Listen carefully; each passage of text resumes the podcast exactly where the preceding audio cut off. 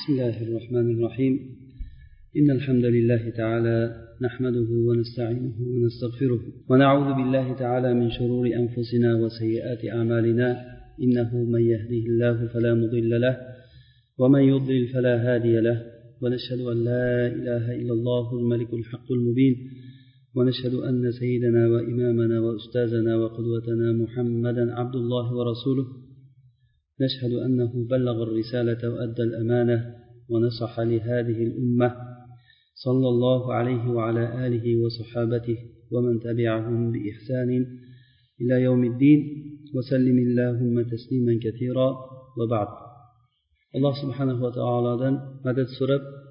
bugungi darsimizni yangi mavzudan درس boshlaymiz الله سبحانه وتعالى taolo qur'oni karimda مرحمة qilib aytadiki إنا عرضنا الأمانة على السماوات والأرض فأبين أن يحملنها وأشفقن منها وحملها الإنسان إنه كان ظلوما جهولا biz bu omonatni yeru osmonlarga ro'para qildik ya'ni shu omonatni din omonatini yeru osmonlarga ro'para qilganimizda yeru osmonlar bu omonatni ko'tara olmadilar Ya'ni bundan qo'rqdilar.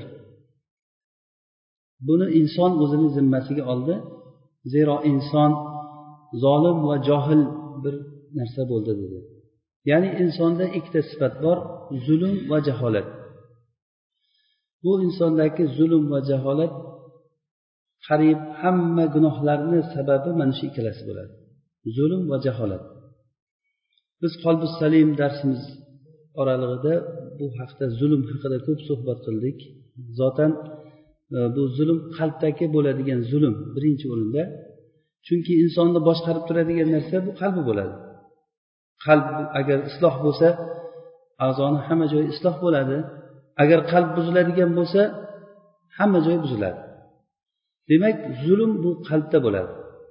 Va aytib o'tdikki qalbdagi insonni adashishligi uchun asosiy sabab bo'layotgan narsa ikkita narsa. Bu birinchisi shubuhatu shayton ikkinchisi shahavatu nafs. Shubuhatu shayton ya'ni shayton tarafidan insonga keladigan shubhalar. Bu ilmga keladi. Ya'ni inson qalbida fuat degan bir joy bor. Bu ilm manbasi. Insonda ilm hosil bo'ladigan joyi bu. Va mana shu ilm hosil bo'ladigan joyga shaytonni asosan kamonini otadigan nishoni o'sha joy bo'ladi. Ya'ni birinchi o'rinda shayton inson qalbida noto'g'ri ilm shakllanishligini noto'g'ri ilm hosil bo'lishligini birinchi o'ringa qo'yayotgan narsa. Va buni misoli o'laroq aytgan edikki odam alayhissalomni jannatda alloh taolo jannatda odam alayhissalom bilan momo havoni jannatga qo'yib ey odam mana bu jannatda bemalol yeyglar ichinglar faqat bitta sizlarga taklif mana shu daraxtga. Ya'ni u daraxtni nimaligini ham aytib ko'rsatib muayyan qilib aytdiki mana shu daraxtdan yemanglar. Jannatda hamma narsa bor hojat yo'q. Mana shu daraxtdan yemanglar va taklif ham juda ko'p emas va noma'lum ham emas. Ma'lum bo'lgan taklif mana shu daraxtdan deb turib ko'rsatib ishora bilan aytilingan. Va oqibati ham aytilingan. Deb aks holda sizlar agar shu daraxtdan yeydigan bo'lsanglar o'zlaringga o'zlaring zulm qilgan bo'lasizlar. Shunda odam alayhissalomni shayton yo'ldan ozdirishlik uchun harakat qildi va o'sha mevani daraxtdan yeyishlikka odam alayhissalomni vasvas qildi. Va shu vasvas qilishligini yo'li ilm orqali keldi. Ey odam bu mevani yegin desa shahvat bilan ya'ni shahvat orqali bu mevani yeyishlikka hech hojat yo'q edi odam alayhissalomda. Lekin shayton ilm orqali kirib keldi. Aytdiki ollohga qasamki bu daraxtni yeyishlikdan sizlarni robbilaring qaytarib qo'yganligini sababi sizlar shu jannatda mangu qolib ketuvchi bo'lib qolasizlar. Agar shuni yesanglar hech kim sizlarni jannatdan keyin chiqarolmaydi va olloh nomi bilan qasam ichdi. Ya'ni shu darajada shayton shu darajada pastkashlikka borib hatto olloh nomi bilan qasam ichdi. Va shunda odam alayhissalom aldandilar buni qasamiga ishondilar. Xuddiki qurtubiy rahimaulloh shu oyatni tafsirida aytadilar al mu'minu g'irrun karim val munafiqu hibbun laim mo'min kishi aldanadi mana shunaqangi ulug' ya'ni hurmatli bo'lib aldanadi. Olloh nomi bilan qasam ichib o'tirib o'tirgandan keyin shunda ham yo'q senga ishonmayman deyishgacha bormaydi odam. Ya'ni mo'min kishi shu darajaga borgandan keyin baribir aldanar ekan. Va munofiq bo'lsa mana shu darajagacha aldashgacha boradi. Hech qaysi bir aldash vositasi qolmaydiki illo o'sha narsani ishlatadi. Hattoki eng ulug' qasam bo'lgan ollohni nomi bilan qasam ichib ham shunday aldar ekan. Muhim odam alayhissalomni o'sha yerda shayton ilm tarafidan kirib keldida qalblariga shubha tomonidan ilm olib keldi. Mana shu bilan qaytarilgan narsani odam alayhissalom qilib qo'ydilar. Insonni adashishligi uchun asosiy narsa shaytonni zarba berayotgan shayton o'sha o'zini o'qini otadigan nishonasi nishon qilingan meshin deymizmi shunaqa qasd qilingan narsa bu ilm joyi bo'ladi. Mana buni otini shubhatu shayton deyiladi. Va inson qalbida o'zi shahvatu nafs degan zulm o'rinlari bor. Bular haqida biz ancha suhbatlarda qalbi salim darsimiz orqali gapirgandik. Agar kishi dinini yaxshi tushunsa huzayfat ibn yamon roziyallohu anhu aytganlari kabi abu muslim havoloniyga agar diningni tushunsang fitnaga tushmaysan deganlar. Biz alloh subhanava taolodan so'raymizki dinimizda faqih bo'lishligimizni. Rasululloh sollallohu alayhi vasallam aytadilar agar kimgaki alloh taolo yaxshilikni xohlasa uni dinda faqih qilib tushunarli qilib qo'yadi tushunuvchan qilib qo'yadi deganlar. Ya'ni dinimizni tushunishligimiz biz uchun juda ham katta bir ne'mat. Qalbga bu qur'on biz takror va takror aytyapmizki qur'on birinchi qalblarga tushdi. Amin ala qalbik litakuna minal munzirin. Jibril buni qur'onni qalbga tushirdi. Ya'ni rasulullohni qalblariga tushirdi. Rasululloh ogohlantiruvchi payg'ambar bo'lishligi uchun buni qalblariga tushirdi. Va rasulullohdan keyin sahobalarga va hozir mana bizgacha alhamdulillah qur'on yetib keldi. Birinchi o'rinda bu qalblarga kiradi. Agar qalbda o'zini joyini topolsa bu albatta hayotda o'zini samarasini beradi. Agar qalbda o'zini joyini topolmasa bu qur'ondan manfaat bo'lmaydi.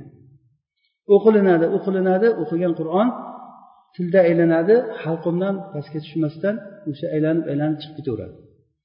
Ya'ni qur'on u uchun nozil qilingan maqsadni bermaydi. Shuning uchun bu mavzumiz e, bundan keyin inshaalloh alloh taolo qodir qilgancha bir mavzuni tugatishlikka harakat qilamiz. Boshqa mavzuga o'tishlikdan oldin. Maqosidi shariya haqida suhbatlashishlikni lozim deb topdim. Bu mavzu maqosidi sharia ya'ni shariatni maqsadlarini bilishlik bu ham ommaga ham xossaga manfaatli bo'lgan ilm hisoblanadi.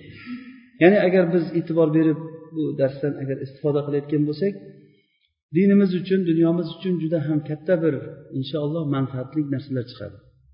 Ya'ni dinda faqih bo'lishlik kishi o'zini dinini tushuna olishligi bu juda katta bir muhim narsalardan katta ne'mat bu. Biz shu darsimizni boshlab aytamizki e, bu din umuman inson deymizmi yoki hayotni alloh subhanava taolo foyda va ziyonni tarafiga qarab rioya qilib yaratgan ekan.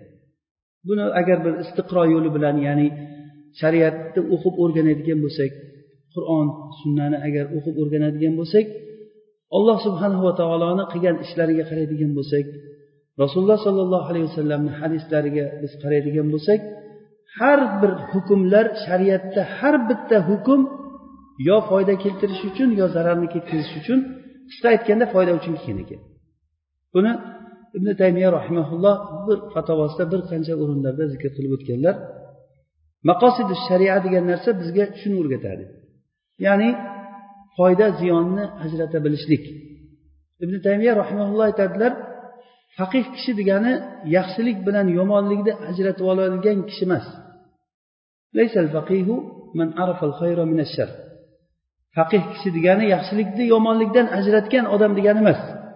Balki faqih degani ikkita yaxshi narsa turibdi qaysisi ko'proq yaxshiroq. Ikkita yomon narsa turgan bo'lsa qaysisi ko'proq yomonroq. Shu narsani ajrata bilgan kishi faqih bo'ladi. Bu uchun albatta har bir odam o'zini ilmi bilan alloh taolo qanchalik darajada unga ilmdan nasiba qilgan bo'lsa shu bilan foydalanib yaxshiliklar o'rtasini ajrata bilishlik yomonliklar o'rtasini solishtira bilishlik bu narsa ancha katta biz hayotimizda ko'p manfaatli ilm bo'ladi ya'ni maqosidi sharia degani maqsid o'zi arab tilida qasd qilinadigan o'rin degani. Ya'ni buni tarjima qilib aytayotgan bo'lsak shariatni hukmlaridan rioya qilingan ko'zda tutilingan ma'nolar va hikmatlar degani shariatda hukmlar man misol uchun taloqdagi hukmlar nikohdagi hukmlar qisosdagi hukmlar diyadagi hukmlar deysizmi namozdagi ro'zadagi biror bir hukm yo'qki illo o'sha hukmni ortida bir maqsad bor. O'sha maqsad qisqa aytganimizda foyda keltirish va zararni ketkazishlikka qurilgan.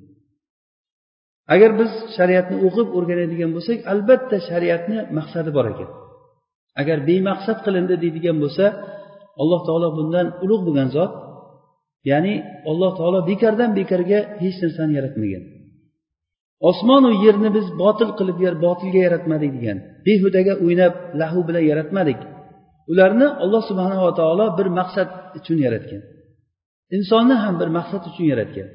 Va insonga buyurgan ahkomlarini alloh taolo maqsad bilan bir maqsadlar ko'zlab qilingan. O'sha maqsadlarni agar biz o'qib o'rgansak shariatni bu foyda keltirish ekan va zararni ketkazishlik. Mana shu narsa atrofida aylanadi. Va bunda biz ikkita qoidani aytishligimiz yoki ikkita foydani aytishligimiz mumkin. Shariatni maqsadlarini o'qib o'rganishlikdan birinchi foyda shariatni go'zal ekanligini kishi tushunib birovga tushuntira oladi. Bizni shariatimizda hech qanaqangi kamchilik yo'q. Bizni shariatimiz robbil alaminni shariati bu. Robbil alamin hech qachon hech narsani unutmaydigan adashmaydigan zot zot. La yadillu robbi va la yansa. Muso alayhissalomni tilida toha surasida aytilingan kabi. Ya'ni robbim hech qachon adashmaydi va unutmaydi. Va qur'oni karimda bir qancha o'rinlarda alloh subhanava taoloni hakim deb sifat sifati kelgan. Hakim zot qiladigan ishini albatta bir hikmat bilan qiladi. Bir qancha o'rinlarda alloh subhanava taoloni rohim sifati kelgan. Rohim ya'ni rahmatlik zot degani zur rahmat sifati chiqadi shundan. Rahmatlik zot bo'lgandan keyin albatta bandalarga kelgan shariati u rahmatni keltirishi kerak. Rahmat o'z uz o'zidan maslahatni ya'ni foydani keltirib chiqaradi. agarda odamlarga keltirilingan narsa ularga azob bo'layotgan bo'lsa bunda rahmat degan narsa ko'rinmay qoladi shuning uchun ham shariatda biror bir hukm yo'qki o'sha hukm uchun alloh subhanava taologa hamd aytilinadi اللهم لك الحمد ملء السماوات وملء الأرض وملء ما بينهما ey ollohim senga osmonlar to'la hamd bo'lsin yer to'la hamd bo'lsin va osmon va yer o'rtasidagi narsalar to'la va bundan keyin o'zing xohlagan narsalaring to'la ham bo'lsin deb rasululloh sollallohu alayhi vasallam duolari. Agar shu duoga e'tibor berib qaraydigan bo'lsak alloh subhanava taoloni keltirgan shariati chiqargan hukmi yaratgan narsalariga olloh hamd aytiladi. Shuning uchun ham hukmlarni orqasida bu ahkomlardan keyin jannat ahli jannatga kirib bo'lgandan keyin do'zax ahli do'zaxga kirib bo'lgandan keyin oxirgi aytilinadigan kalima alhamdulillahi robbil alamin olamlar robbisi bo'lgan ollohga hamd bo'lsin deyiladi. Ana shu paytda do'zaxdagi odamlar ham hamd aytadi jannatdagi odamlar ham hamd aytadi alloh subhanava taoloni chiqargan hukmiga. Hattoki do'zaxga kirgizgan kofirni do'zaxga kirgizib turib shuni azoblab turgan holatida alloh taologa hamd aytilinadigan holatda bo'ladi. O'sha holatga hamd aytilinadi ollohni ya'ni bu narsa juda ham hikmat bilan bu narsa o'z o'rnida muvofiq loyiq jazo berilayotganligi uchun jazaan vifaqo deyilgan oyatda bu narsalar. Ya'ni bu juda ham muvofiq jazo bo'lgan. Odamlarga beriladigan jazo jannatiy bo'lsin yoki do'zaxiy bo'lsin olloh asrasin bu jazaan vifaqo bo'ladi. Allohga hamd aytilinadi demak shariatni biz yaxshi tushunsak agar biz shariatdaman degan musulmonman degan kishilar hayron qoladigan o'rni shuki musulmonman deb dinini o'rganmay yurgan odamga hayron qolasiz. Musulmonman deb shariatini bilmasa u necha yildan beri islomdasan desangiz o'n yil bo'ldi o'n ikki yil bo'ldi iltizomga kirganligimga deydi lekin shu o'n ikki yildan beri shariatda sen nima kitob o'qiding robbingni qanchalik taniding shariatingni yaxshiligini qanchalik darajada birovga isbotlab bera olasan degan savolga kim qanchalik javob beradi? Bir birodar aytib beryapti bir nimada moskvada taksis bo'lib ishlayman deydi. O'shanda shunga bir rus kishi minib qolganda moshinasiga men musulmonman soqolli kishi bo'lganligidan so'rab savol javob qilganda men musulmonman deb necha yildan beri islomdasan desa o'n ikki yildan beri islomdaman debdi. Shu o'n ikki yildan beri islom to'g'risida nechta kitob o'qib chiqding deb so'rabdi haligi rus kishi. O'ylab qarasa bitta ham o'qimagan ekan haligi odam. Faqat undan bundan u narsani bu narsani eshitib yurgan. Ya'ni biz shariatimizni o'rganishligimiz dinda faqih bo'lishligimiz o'sha darsimizni boshida boshlagan innahu kana zoluman jahula degan jaholatni ketkazishligimiz bizni vojibimiz bu narsa. Boshida tushgan iqro surasi o'qidib tushdi. Iqro bismi robbikallazi xalaq. O'qigin seni yaratgan robbingni ismi bilan o'qigin. O'qigin deganda hamma narsani o'qiver degani emas bu. Seni yaratgan robbingni ismi bilan o'qigin. Demak insondagi jaholat. Inson onadan tug'ilgan paytda hech narsani bilmay tug'iladi. Vallohu axrajakum min butuni ummahatikum la ta'lamuna shay'a. Alloh taolo sizlarni onalaringni qornidan chiqardi. sizlar hech narsani bilmasdilaring la ta'lamuna shay'a sizlarga alloh taolo ilm berdi alloh taolo eng katta ne'matini risolatni va hukmni va mulkni ne'mat qilib aytadi أم يحسدون الناس على ما آتاهم الله من فضله فقد آتينا آل إبراهيم الكتاب والحكمة وآتيناهم من لدنا أجرا عظيما odamlar ibrohim alayhissalomga berilingan ne'matga hasad qiladilarmi? Ya'ni rasululloh sollallohu alayhi vasallamga berilingan ne'matga hasad qiladilarmi? Biz undan oldin ibrohim alayhissalomga hukm va atayna ibrohim al kitaba val hik val hukma va nubuva biz hukm va nubuvatni berganmiz degan.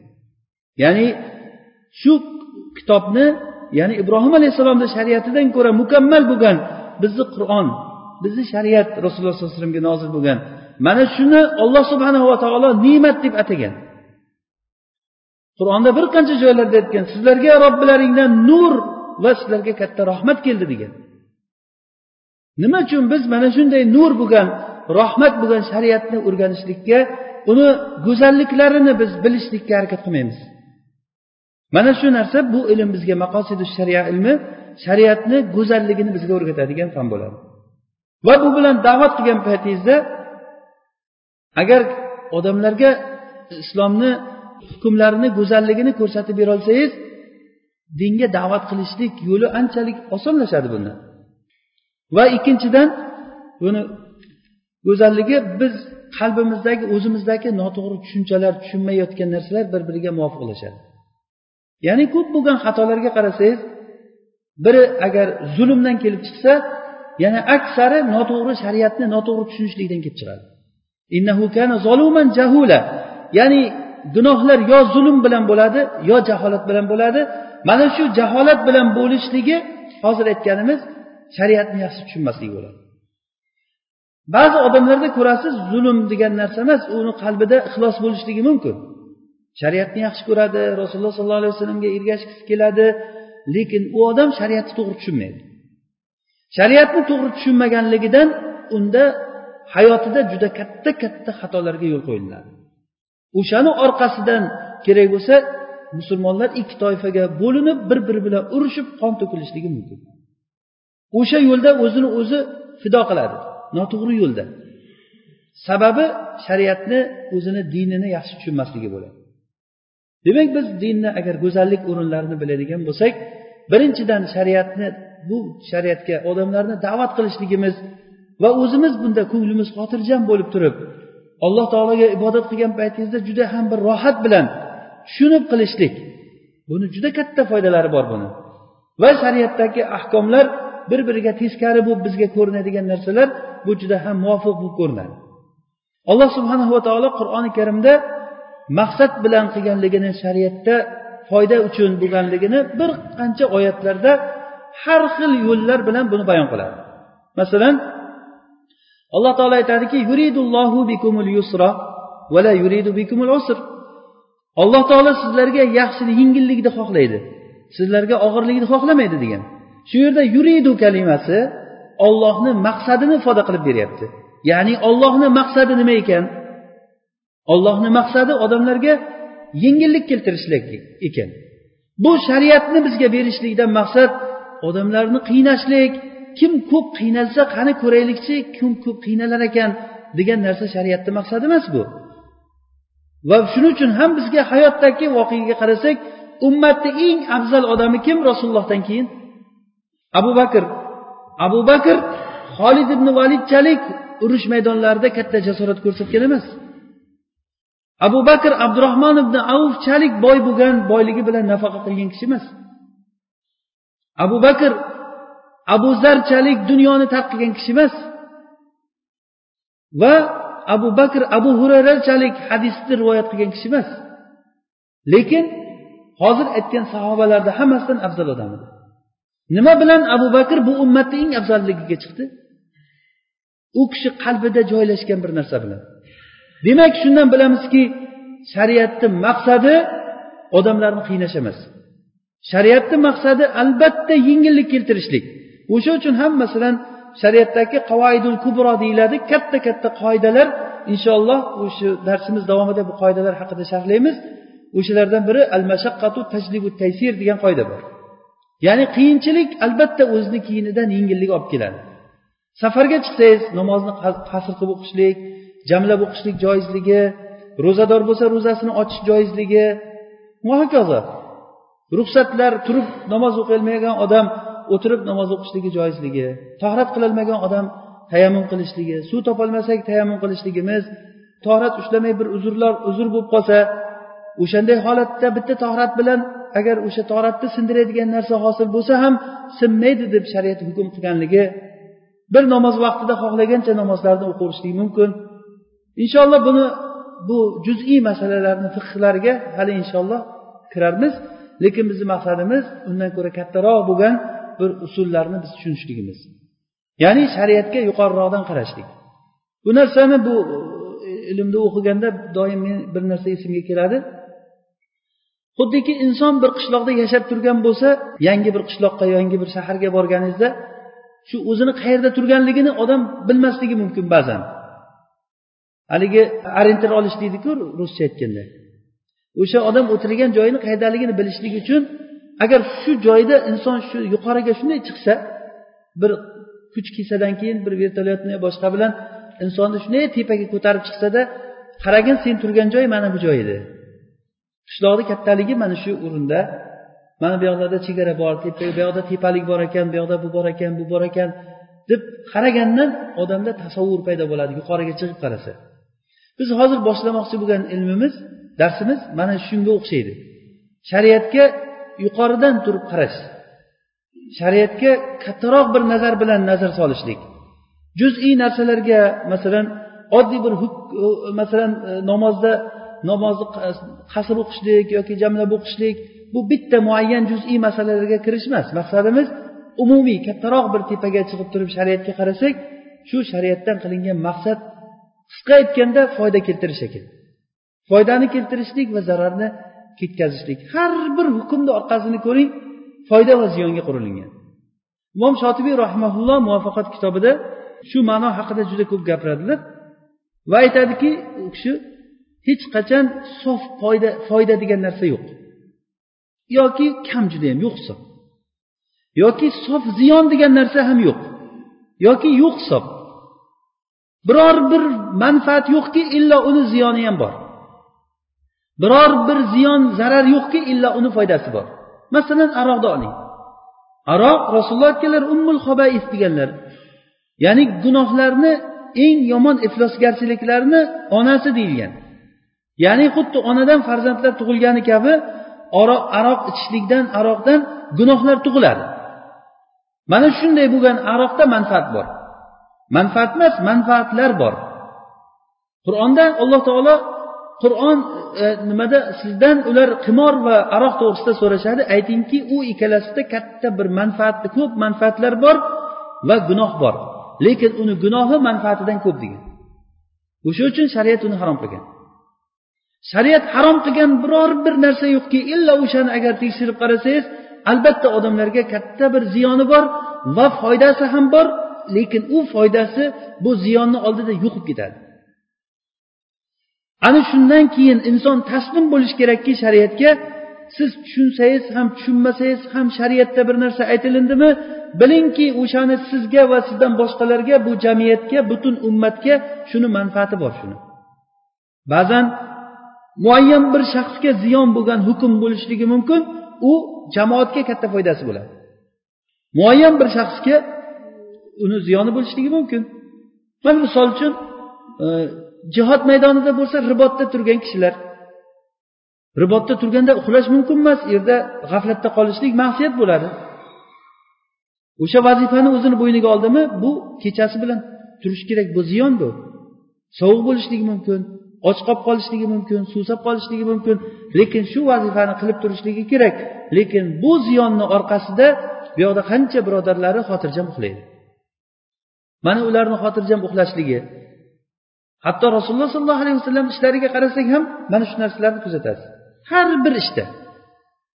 Biror bir ish yo'qki illa o'shani zarari bor. Zararni orqasida katta bir manfaat bor. Lekin o'sha manfaati katta bo'lganligi uchun u zarar yo'q bo'lib ketadigan darajada bo'ladi. Shariatda buyurilgan vojiblar va qaytarilingan ishlar hammasi shundan iborat. Demak biz qur'oni karimni o'qib qaraydigan bo'lsak qur'onda alloh taolo bir maqsad uchun hukmlarni joriy qilganligini ochiq aytadi. Masalan hozir o'qigan oyatimizda yuridullohu bikumul yusr. Yoki boshqa bir oyatda masalan sadaqalar to'g'risida gapirgan paytda bu nima fay o'ljalar to'g'risida gapirilganda ya'ni bu alloh taolo rasuliga fay qilib o'lja qilib bergan narsalar olloh va rasulini hukmida turadi. U uni odamlarga bo'lib bersa muayyan bir odamlarni qo'lida davlat bo'lib qolib ketmasligi uchun. Boshqa odamlar unga muhtoj bo'lib muayyan odamlar uni olib foydalanib qolgan odamlarga hech narsa qolmay qolmasligi uchun buni rasulullohni ixtiyoriga qilib qo'yilgan. Rasululloh o'zi ummatni ehtiyojiga qarab qayerda qancha ehtiyoj bo'lsa o'sha ehtiyojga qarab beradilar uni. Yoki nimada boshqa oyatda keladiki masalan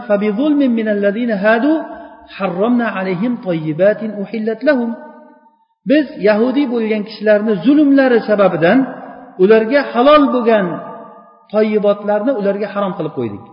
O'zi oldin ularga halol edi keyin uni harom qildik deyapti. Nima uchun? Ularni o'zlariga o'zlari qilgan zulmlari sababidan. Demak bu yerda bir maqsad bo'lgan. Odamlarga u yerdan tarbiya berishlik o'sha ishdan. Shu qilingan ishni o'zlariga o'zlari noto'g'ri narsalarni bo'yniga olingandan keyin shariat ularga odob berib qo'yishligi uchun ularga mana shu shariatda aytilmagan narsani o'ziga o'zi odam zimmasiga olavergandan keyin demak noto'g'ri ishni tushuntirishlik uchun alloh taolo mana sizlarga deb turib ularga harom qilib qo'ygan toyibat bo'lgan halol bo'lgan narsalarni. Oyatda agarda maqsadni ifoda qilayotgan qanaqangi arab lug'atida agar bir vajhi bo'lsa o'sha bilan albatta qur'onda shu vajhlar bilan keltirilgan. Li ajli alla yakuna li alla yakuna bu tolib ilmlar tushunadigan. Nimalar? Qisqasi qur'oni karimda aytilingan narsalar o'sha hukmlar juda ko'p joylarda nima uchun ekanligini maqsadda aytgan.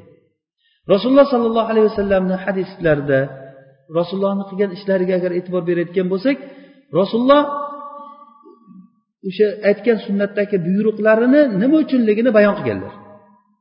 Masalan qurbonlik go'shtlari to'g'risida rasululloh aytadilarki ilgari sahobalarga islomni boshida qurbonlik so'ygandan keyin uni go'shtini uch kundan ziyod saqlab qolishlik mumkin bo'lmagan. Uch kundan ziyod qurbonlik go'shtini saqlab qolishlik mumkin bo'lmagan. Rasululloh aytdilarki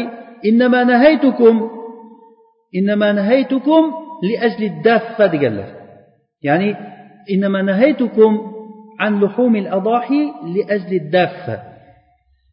chekkadan odamlar keladi. Arobiylar madinani tashqarisidan nima bayram qilishlik uchun ular keladi. Madina ahli qurbonlikni so'ygan paytda hammasi o'zini uyiga go'shtlarni yig'ib yig'ib olib qo'ysa atrofdan kelgan odamlarga go'sht qolmaydi. Odamlarda ehtiyoj paydo bo'ladi. Endi uch kundan ziyod saqlash mumkin emas deyilsa ular nima qiladi? Go'shtlarni odamlarga iloji yo'q tarqatadi yeb bo'lmagandan keyin. Odamlarga tarqatadi va bu bilan jamiyatda tenglik hamma bayramona bir go'sht yeb hamma xursand bo'ladi. Rasululloh aytdilarki mana shu chekkadan kelgan odamlarni uchun men sizlarni qurbonlik go'shtini uch kundan ziyod saqlab qolishlikdan qaytargan edim. Ana endi uni yeyaveringlar sadaqa qilinglar va kelajak uchun ham olib qo'yaveringlar deganlar. Fakulu va tasaddaqu dedilar. Ya'ni bu rasululloh nima uchun o'shandan qaytargan ekanliklarini bayon qilyapti. Deb turib o'sha chekkadan kelgan odamlar uchun deb turib bayon qilyaptilar yoki rasululloh sollallohu alayhi vasallamdan sad ibn abi vaqqos so'radilarki rasululloh meni molim ko'p badavlat kishiman va agar men o'ladigan bo'lsam bitta qizim qolyapti orqamda. Merosimni olishlikka. Shu molimni yarmisini sadaqa qilaymi deganda yo'q dedilar. Molimni hammasini sadaqa qilaymi deb so'raganda rasululloh yo'q deganlar. Yarmini qilaymi deganda yo'q dedilar. Uchdan birini vaqf qilib o'zimdan keyin sadaqa qilib ketaymi? Ya'ni vasiyat bu. Shu vasiyatni qilaymi deganda rasululloh aytdilarki mayli uchdan biri bo'lsa qilgin lekin uchdan biri ham ko'p. إنك أن تذر ورثتك أغنياء خير لك من أن تذرهم عالة يتكففون الناس sen farzandlaringni o'zingga qarab turgan qaramog'ingdagi kishilarni boy holatda tashlab ketishliging ularni odamlardan qo'lini cho'zib so'rab yuradigan muhtoj holatda tashlab ketganingdan ko'ra yaxshiroqdir deganlar ya'ni bu yerda rasululloh ochiqdan ochiq bayon qilyaptilarki nima uchun nima uchun molini hammasini vasiyat qilib ketishlikdan qaytardilar? Uni orqasida merosxo'rlar uchun. Demak orqasida merosxo'r bo'layotgan bo'lsa o'sha merosxo'riga berib ketganligi agar juda bo'lmasa olloh uchun beraman desa oxiri uchdan birigacha berishlikka shariat ruxsat berdi. Mana bu narsa ham nima uchun rasululloh o'shandan qaytargan ekanliklarini ochiq aytishlik bo'lyapti. Yoki bo'lmasa rasululloh sollallohu alayhi vasallam ramazon kechasida chiqib masjidda namoz o'qidilar chiqib o'shanda masjidda turgan odamlar rasulullohga ergashib namoz o'qidilar. Keyin madinada gap bo'ldiki rasululloh bugun kechqurun namoz o'qib berdilar bizga. Rasululloh bilan birga ibodat qildik kechasi deganda ko'proq odam kelib turib masjidda kutib turgan rasululloh yana chiqdilar. Yana chiqdilar yana namoz o'qidilar. Rasulullohga qo'shilib masjiddagilar namoz o'qidi. Maza qildi hamma. Uchinchi kuni butun madinada gap bo'ldiki rasululloh masjidda kechqurun namoz o'qib beryapti ekanlar. Deganda butun madina ahli yig'ilib kelib turdi masjidga. Ya'ni bu mubolag'a qilib yubormasak ko'pchilik odam kelib turgan masjidga. Rasululloh chiqmadilar hatto odamlar o'zlarini bildirib bildirib kelganlarini bildirib ham qo'ydilar ham rasululloh sollallohu alayhi vasallam chiqmadilar keyin bomdod vaqtida chiqdilardan keyin bomdodni o'qib bo'lgandan keyin rasululloh aytdilarki sizlarni kelib turganliklaring menga maxfiy bo'lgan emas bilib o'tirdim kelganlaringni. Lekin sizlarga farz bo'lib qolishligidan qo'rqib men chiqmadim dedilar. Ya'ni odamlar shu amalni agar bardavom qilayotgan bo'lsa ularga ramazonda farz bo'lib qolib keyin ummat harajga qiyinchilikka tushib qolishligi borligi uchun shuni o'ylab rasululloh mana shu narsadan qo'rqqanliklari uchun chiqmadilar. Mana bunda ham rasulullohni hozir aytgan gaplariki sizlarga farz bo'lib qolishligidan qo'rqqanligim uchun chiqmadim dedilar. Buni nima uchunligini maqsadini bayon qilyaptilar. Muoz ibn jabal u kishi madinani chekka joyidagi bir qishloqda odamlarga namoz imom o'tib namoz o'qib berardilar. Rasululloh bilan birga xufton namozini o'qib keyin o'zini qishlog'iga ketar edida borib o'sha joyga borgandan keyin odamlar u kishini kutib o'tirardi masjidda hamma yig'ilib o'sha yerda namoz o'qiganda muoz juda uzun o'qirdi namozni uzun namoz o'qigandan bir kishi sahobalardan bittasi namozda turgan paytda juda ham charchab ketgan kuni bilan ishlagan. Ya'ni odamlar juda ham mehnat qilish o'sha paytda o'zlarini mehnatini o'zi qiladigan yordamchisi yo'q bo'lgan holatda bo'lgan sahobalar. Kunduzi bilan ishlagandan keyin kechasi namoz o'qishlik yana bo'lib ham juda ham cho'zib namoz o'qiganligidan charchab ketgandan keyin namozdan imomdan tashqariga chiqib o'zi namozini tezroq o'qib olganda chiqib ketgan masjiddan chiqib chiqib ketgandan keyin keyin odamlar aytganki bir kishi shunaqa qilib o'qib chiqib ketdi deganda muaz u munofiq u dedi. Namozdan shunaqa qilib chiqib ketgan bo'lsa munofiq u degandan keyin odamlardan xabar yetib bordiki seni muaz shunaqa deb aytdi deganda bu kishiga juda alam qilib ketgan. To'g'ri rasulullohni oldiga borib borib ey rasululloh men mana shu mana shu ishni qiluvdim shunaqa bo'ldi deganligida rasululloh muazni chaqirdirdilar shunchalik g'azablandilarki rasulullohni yuzlarida g'azab alomati ko'rindi. Rasululloh g'azablansalar yuzlari qizarib ketar edi. Afattanun anta ya muaz? Ey muaz sen fitnachimisan dedilar. Qarang juda qattiq lafz bilan ey muaz sen fitnachimisan? Ularga sen vashamsi va duhaha vallayli ida yag'shalarni o'qisang bo'lmaydimi? dedilar. Agarda sizlardan kim imom bo'lib bir jamoatga imom bo'layotgan bo'lsa namozni yengil o'qisin. Chunki mana shu joyini aytmoqchimiz biz. Chunki odamlarni ichida zaifi bor kasali bor yosh kattasi bor va hojatli kishilar bo'ladi. Bir ishi zaril odam xufton namozi bo'ldi yo shom bo'ldi kirib o'qiylik deb turib jamoatga kirsa imom o'qigancha o'qisa namozni bir marta biz mana shunaqa jamoatga kirib qolganman. Shom o'qishlikka kirdik. Shom o'qigan paytda imom hud surasini o'qiyapti ekan. Hud surasi tugadi. Undan keyin yana boshladi yana boshladi. Ikki pora yetti varaq zamsura qildi bir rakatga. Ikki pora yetti varaq zamsura qildi. Birinchi rakatdan ikki sajdaga boruvdik xuftonga azon aytib yubordi ana shunday qilib ikkinchi rakatni ham yaxshilab o'qib namozni tugatdik. Xufton namozini o'n ikki yarimgacha o'qilinadi. Yetti poragacha qur'on zamsura qiladi. Mana shu bu qilingan ishlar rasulullohni sunnatiga zid ish bu. Agarda o'zi yolg'iz o'zi o'qisa xohlagancha o'qisin rasululloh sollallohu alayhi vasallam o'qidilar. Sahobalar o'qiganlar usmon roziyallohu anhu bir rakatga qur'onni bir marta xatm qilganliklari kelgan. Qur'onni bir xatm qilganliklari. Mana o'qisin bir o'zi bo'layotgan bo'lsa. Lekin agar kimki jamoat bilan namoz o'qiydigan bo'lsa ularni yengillatib o'qisin chunki ularni ichida hojatli kishilar bo'ladi deb chunki deb turib nima uchun uni qaytarganliklarini aytdilar. Sahobalarni ishlarida aynan mana shu narsani ko'ramiz. Hozir biz misollarimiz qur'ondan va sunnatdan misollar keltiryapmizki shariatdagi ahkomlarni har birini orqasida bir maqsad bor ekanligiga. Abu bakr roziyallohu anhu odamlarga ato bergan ya'ni sovg'a bergan bu degani baytul moldan pul ajratilingan odamlarga. Baytul moldan har bir kishini o'zini ulushi bo'lgan olib turadigan. Oylik sifatida yordam sifatida sahobalarga berilingan. O'sha narsani sahobalarni hammasiga bir xil berganlar. Va nima uchun bir xil berganligini aytganlarki bu dunyo mato bu. Ammo ajrlar oxiratda bo'ladi. Kim agar afzal bo'layotgan bo'lsa u pulda afzal bo'lmaydi. U qiyomatga borganda alloh taolodan ajrini olaveradi deganlar. Hamma odamga bir xil berganlar ammo umar ibn hattob u kishini o'rnlariga xalifa bo'lgandan keyin fathdan oldin islomga kirgan kishilarga atoda ko'p berganlar.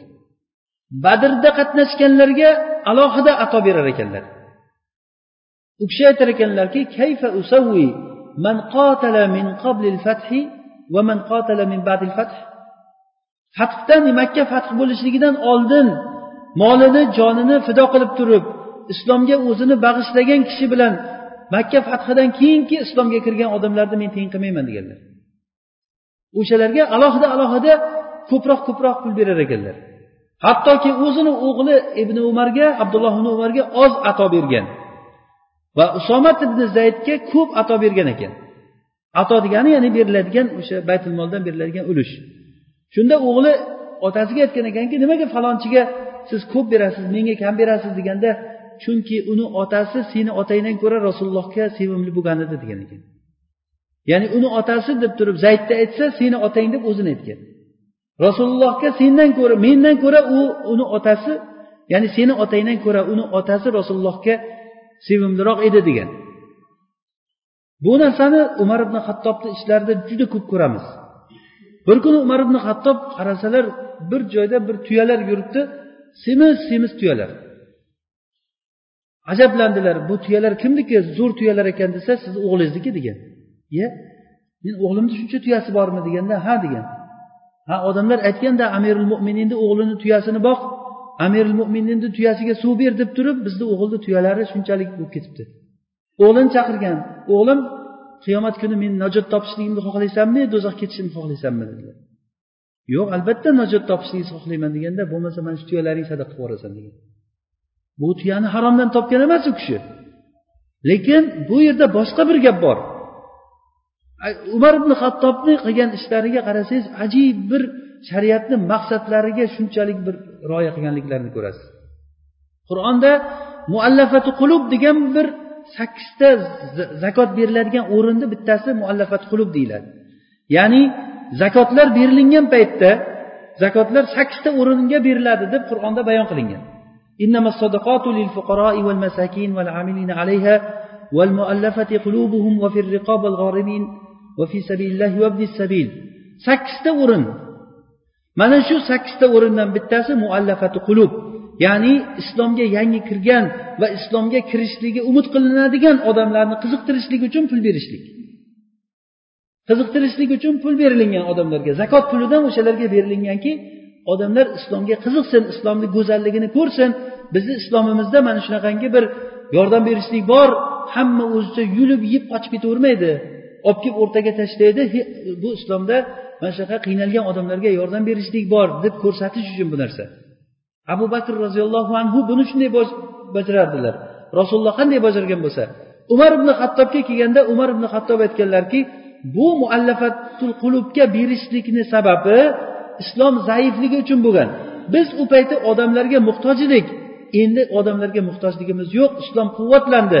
Kim xohlasa kirsin islomga xohlamasa mani qilish degan. Muallafat qulubga bermaymiz degan.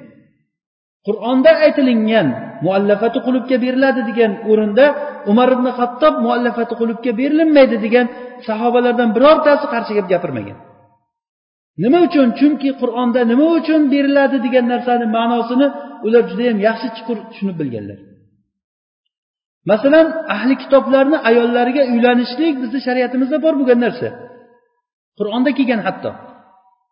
Ahli kitoblarni ayollari sizlar uchun halol deb qur'onda kelgan.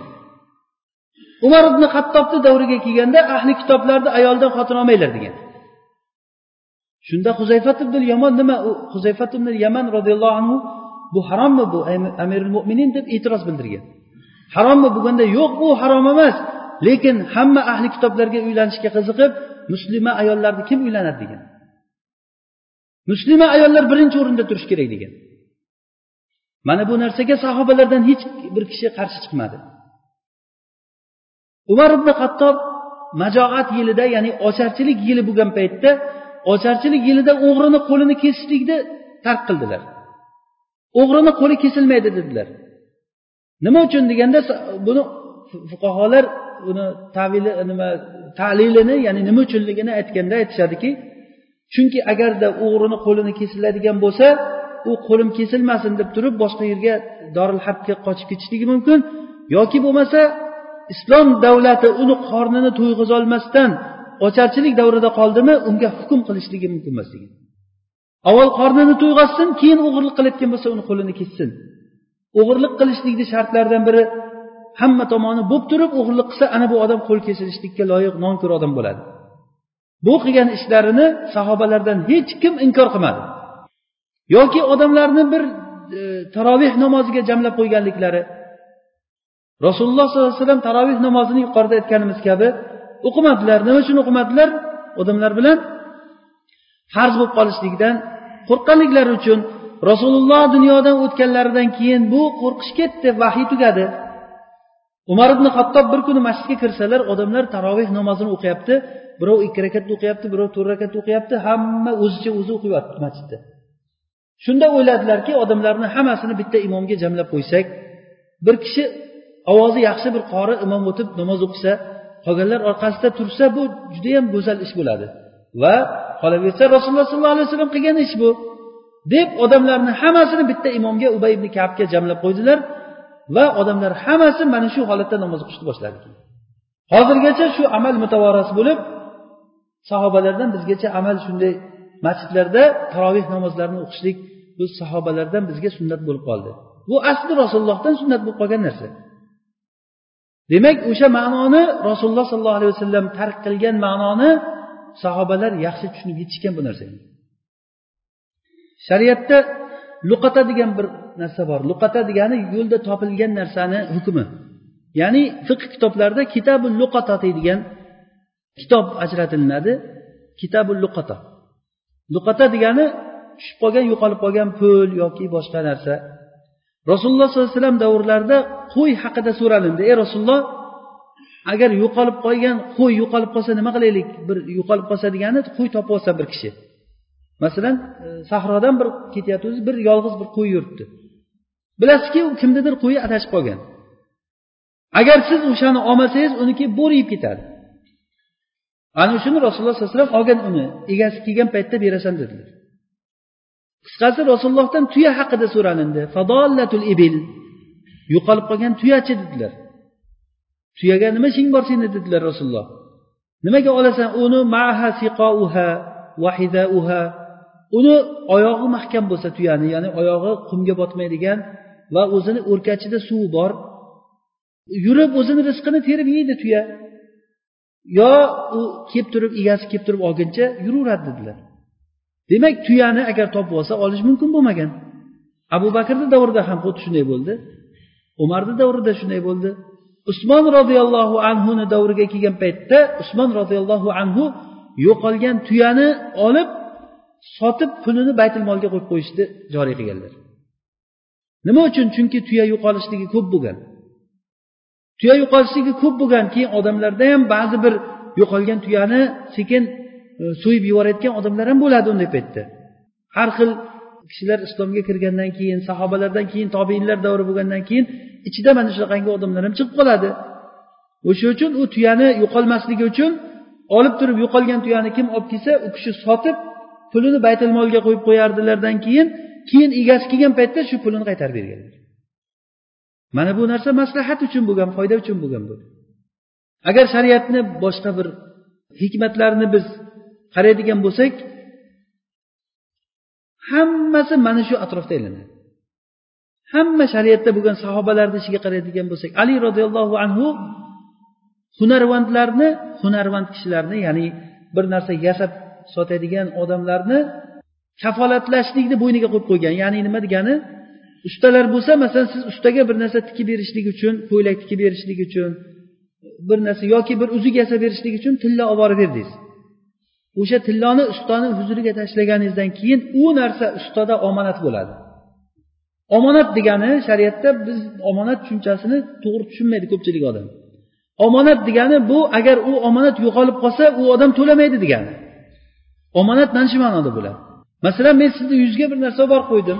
Shu yuzda turib tursin shu desam bo'pti qo'yib keting dedingiz qo'ydim. Keyin kechqurun o'g'ri keldida uni o'g'irlab ketdi masalan. Bu omonat edi o'g'ri o'g'irlab ketdi. Siz to'lamaysiz menga? Chunki bu omonat degan narsa to'lanilinmaydigan narsa degani. Qaysiki bir narsa bir kishini huzurida omonat bo'ldimi u omonat degani to'lanilinmaydigan narsa. Illo agar bu odam e'tiborsizlik qilib turib ko'chaga tashlab qo'ygan bo'lsa yoki o'zi uni yeb yuborgan bo'lsa o'zi uni zoya qilib ketkazib ya'ni arabchada buni taaddiy deyiladi. Shunga agar bir yomon munosabatda bo'lgan noto'g'ri munosabatda bo'lgan bo'lsa u narsani to'laydi yuz foiz to'lab beradi. Ustalar xuddi shunday ular ustalar o'zi to'lanilib ustalarga qo'yib ketilingan narsa omonat bo'ladi to'lanilmaydi. Hozirgi kunda masalan moshina ustalari. Siz moshinangizni buzuq olib bordingiz siz ustaxonaga olib borganingizda moshinangizni o'sha yerga tashlab ketishingiz kerak. Keyin ertasi kuni borsangiz akkumulyator yo'q bo'lsa qani desa bilmayman bu omonat edi desa usta aytsa asli o'zi shu ustaga to'laysan sen deyishga haqqingiz yo'q. Lekin odamlarga agar bu narsani aytayotgan bo'lsak kim birovga ishonoladi u ustaga xudo beradiku. Haligi odamlar tili bilan aytganda o'zi kerak bo'lsa o'shani sotib yuborib turib bilmayman omonatida deb turaverishligi mumkinmi? Mana shu ma'no ko'payganligi uchun ali roziyallohu anhu davriga kelganda ali roziyallohu anhu ustalarga o'sha omonat narsani kafolatlik qilib qo'yganlar. Qaysiki ustani hunarvandni oldida birovni omonati yo'q bo'lsa o'shani usta to'laydi deganlar. Va yana usta o'zini chiqargan narsasiga javob beradi. Bu narsani hozirgi e, nimada? Zamon deyiladi arab tilida. Garantiya berish degani. Shu narsaga garantiya berish chiqargan mahsulotga garantiya berish asli shariatni qiyosiga olib qaraganda bu yo'q narsa noto'g'ri narsa asli. Lekin agar o'shanday qilmaydigan bo'lsa odamlar mendan ketguncha egasiga yetguncha bo'lib odamlar o'rtasida rivojlanish bo'lmaydi. Ana shuni ali roziyallohu anhu ustalarni hunarvandlarni kafolatlik qilib qo'ygan ya'ni kim nima mahsulot chiqarsa o'shanga javob beradi va kimni huzurida bir narsa yo'qolsa o'sha usta shunga javob beradi deganlar. Va aytganlarki mashhur qovullarini la nasa illa zalika deganlar. Odamlarni mana shu narsa isloh qiladi dedilar. Mana bu ali roziyallohu anhudan usmon roziyallohu anhu abu bakr va umar va boshqa sahobalarga qaraydigan bo'lsak ular shariatni maqsadlarini yaxshi tushunganlar shariatda maqsad nima? Bizga shariat bir hukmlarni aytgan bo'lsa o'sha narsadan nima maqsadda bizga shu narsani talab qildi? Shuni biz yaxshi tushunishligimiz kerak. Ana o'shanda shariat bilan hiyla qilishlik o'yin kulgi qilishlik hiyla shariya degan narsalarni shariatni maqsadiga zid narsa ekanligini bilasiz. Hiyla shariya nima? Bizda davra degan narsalar bor. Bir odam agar vafot etayotgan bo'lsa bir necha yil ro'za tutmagan bir necha yil namoz o'qimagan bo'lsa har namoziga har ro'zasiga fidya berishlik. Bu imom muhammad rahimaulloh fidya beriladi deb aytgan joylari bor. Va aytganlarki biz olloh shuni qabul qilishligini umid qilamiz deganlar. Yurjalahul qabul. Imom muhammad ibn hasan shayboniyni ishtihodlari bu kishi. Endi o'sha kishini fatvosini olib turib kitobdagi fatvosini olib odamlar nima qiladi? Bir kishi o'lib ketgan bo'lsa bir necha yilki ro'zasi bir necha yilki namozi bo'layotgan bo'lsa keladi bir katta bir nimaga laganga bug'doy soladi. Va mana shu bug'doy mayitni bir kungi namozini fidyasi. Buni aytadiki mana shu mayitni bir kungi namozi fidyasini men sizga berdim mana faqir kishiga deb yonidagi odamga beradi. U odam bo'ldi qabul qildim sizdan deb oladidan keyin yonidagi narigi kishiga men sizga buni berdim mayitni bir kuniga deydi. Ikki kun unisi narigisiga hadya qilib o'ttizta odam aylantirib chiqsa mayitni o'ttiz kunlik e, nimasi hisobi yopildi. Aylanaveradi aylanaveradi. Mayit necha yil namoz o'qimagan bo'lsa shuncha aylantiradi. Buni otini davra deb qo'yadi. Endi bu shariatni maqsadiga to'g'ri kelyaptimi shu narsa? Shariat nima maqsadda unga fidya bor dedi agar aytgan bo'lsa shuni? Nima maqsadda aytilingan? Ba'zi joylarda bir ho'kizni olib keladi. Agar davra masalan bir ellik yil namoz o'qimagan bo'lsa bir yilki namozi bilan bir yilki ro'zasini hisoblab pulga chaqib chiqsa bir yilkisi bitta ho'kiz bo'ladi masalan. Bitta faqirni olib keladidan keyin mana shu bizni mayitimizni e, bir yilki ro'zasi bilan bir yilki namozini fidyasi buni qabul qiling deydi. U oladi. Men buni sizga hadya qildim deb u qaytarib beradi u keyin. Qaytarib bermasa agar tushunmay ho'kiz yetalab ketayotgan bo'lsa to'xtang deyiladi. Ho'kizni olib chiqib ikkinchi faqirni olib kiriladi. O'shanda bu hadya qiladi qaytarib ho'kizni oladi. Yana bir yilki ana shu tezroq bitadi bunda. Davrani ko'p aylantirmay ya'ni boyagi mashmasha kamroq bo'ladi. Oldi berdi oldi berdi bo'lib ellik marta oldi berdi bo'lgandan keyin oxiri ho'kizni yetalab chiqib ketsa ham mayli edi o'sha faqir ha har bir yiliga bo'lsa ham berdi derdikda. Yana tashlab ketish kerak qoidasi shunday. O'sha mayitni ahliga uni berib ketish kerak. Shariatni maqsadidan nima chiqyapti bu yerda? Shu shariatni maqsadimi shu?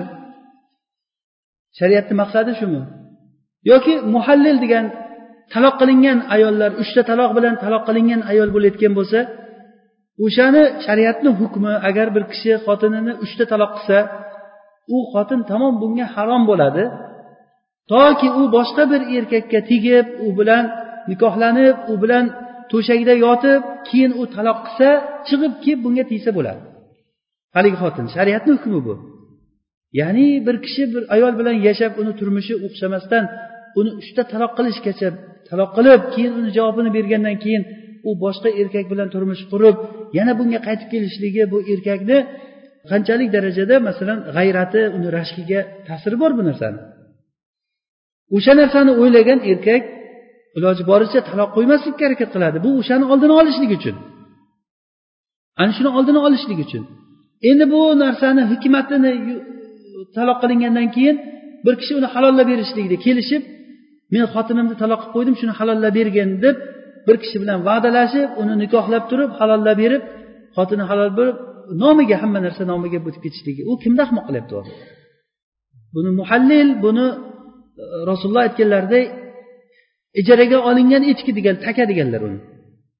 Attaysul mustaar ya'ni ijaraga olingan taka deganlar uni. Mana shunday shariat bu misollar faqat. Shariatimizdagi qilingan e, joriy bo'lgan hukmlar alloh taolo tarafidan bizga kelgan buyruqlar va qaytariqlar mana bularni hammasini o'ziga yarasha hikmati o'ziga yarasha tagida maqsadlari bor. Agarda shu maqsadlarni yaxshi tushunib ongli ravishda biz robbimizga ibodat qilayotgan bo'lsak ana o'shanda shu narsadan ko'zlangan maqsadlar shundan keyin ko'zda tutilgan foydalar o'shandan keyin chiqadi. Namoz ham namoz fahsh munkar ishlardan qaytaradi. Ya'ni go'yoki bu yerda shariat aytyaptiki namozni sizlarga vojib bo'lishligidan maqsad sizlarda fahsh munkar ishdan qaytadigan bir taqvo hosil bo'lsin. Ro'zadan maqsad laallakum tattaqun. O'sha ro'za oyatlarini oxirida aytib qo'yyapti sizlar taqvo qilsanglar deb turib. Ro'zadan maqsad odamlarda taqvo hosil bo'lishligi namozdan maqsad odamlarda fahsh munkar ishdan qaytadigan taqvo hosil bo'lishligi kerak. Shuning uchun ham ibn masud roziyallohu anhu aytadilar kimniki namozi agar uni fahsh va munkar ishlardan qaytarmaydigan bo'lsa u ollohdan uzoqlashishlikni ziyoda qiladi namoz o'qigan sari. Buni hadis deb aytadi ko'pchilik hadis emas ibn masudni gaplari. Ya'ni kimniki namozi agar fahsh munkar ishlardan qaytarmaydigan bo'lsa u olloh taolodan faqat uzoqlikda ziyoda bo'ladi dedilar. Bu maqsad shu. Maqsad degan narsa maqsad namozni oling ro'zani oling zakotni oling. Zakotdan maqsad nima? Zakotdan maqsad zakotdan maqsad boy kishini molini olib turib kambag'al odamlarga berib jamiyatda bir tenglik jamiyatda bir o'sha muhtoj odam qolmasligi. Mana bu yerda bir odam katta bir haligi kapitalistik davlat deydiku o'shanaqangi kapitalist bo'lib katta baland imoratlarni solib bir odam ko'chada yeyishga noni yo'q borishga joyi yo'q holatda yashab yurishligi shariatni maqsadi bu emas bu ba'zi bir ustozlarimizdan eshitganimiz buxoroda o'rislar bostirib nima qilib o'rta osiyoga kirib kelishligidan oldingi holatda buxoroni katta bir e, imomlaridan birini qoplarda tillalari bo'lgan ekan. Qoplarda to'la tillalari bo'lar ekan. O'sha tilloni zakotini berishga kelgan paytda zakotini berishga kelgan paytda shu zakotni hisoblab hisoblab hammasini qirqdan birini chiqargan paytda bir qancha tillo bo'lar ekan o'sha tilloni olib turib bir faqirga mana bu meni zakotim deb bersa o'sha katta narsa bu. Kerak bo'lsa o'n kilo yigirma kilo tilla bo'lib ketadi u bersa. Shuni bergisi kelmasdan bir qop bug'doyni olib turib bug'doyni ichiga haligi tilloni tiqib bug'doy bilan ko'mib turib bir faqirni chaqirib turib faqirga aytar ekanki meni ozroq zakotim bor edi shuni sizga berishni ravo topdim mana oling deb berar ekan. Endi faqir nima deb oladi uni? Ichida o'n kilo tillasi bor deb o'ylab oladimi? Yo'q uni bug'doy deb o'ylab oladi. Olgandan keyin faqirga aytar ekan shuni sotasizmi shu bug'doyni menga? degan bir qop bug'doy masalan ellik so'm bo'lsa yuz ellik so'm beraman sotsangiz degan nimaga buncha qimmat desa yordamda sizga deydi ekan. Sotaman der ekan u yuz ellik so'm mana deb turib berib o'ziga boyagi bug'doydan faqirni faqirdan bug'doyni sotib olar ekan. O'zini o'zi ahmoq qilib turib aytyaptiki men berdim va sotib olyapman undan. Zimmamdan qutuldim. Shu yerda shariatni maqsadi ro'yobga chiqyapti u nima maqsadda shariat u narsani zakot berishlikni aytgan. Bu shariatni ahmoq qilish shariatni emas o'zini o'zi ahmoq qilish bo'ladi. O'zini o'zi ahmoq qilishlik bo'ladi. Ba'zan tillosi o'sha vaqti yetib kelgan paytda tillosini o'sha bir yil aylanishligidan ozroq qolganda o'g'lini chaqirib turib o'g'lim bu tillolar hammasi sizga hadya deb o'g'liga berar ekan. Bo'ldi men bir faqir odamga aylanib qoldim der ekan o'zi. O'g'li aytar ekan men endi oldim bir yil aylanish kerak unga. Yana bir yil aylanish vaqti kelgandan keyin o'g'li xotiniga hadya qilar ekan.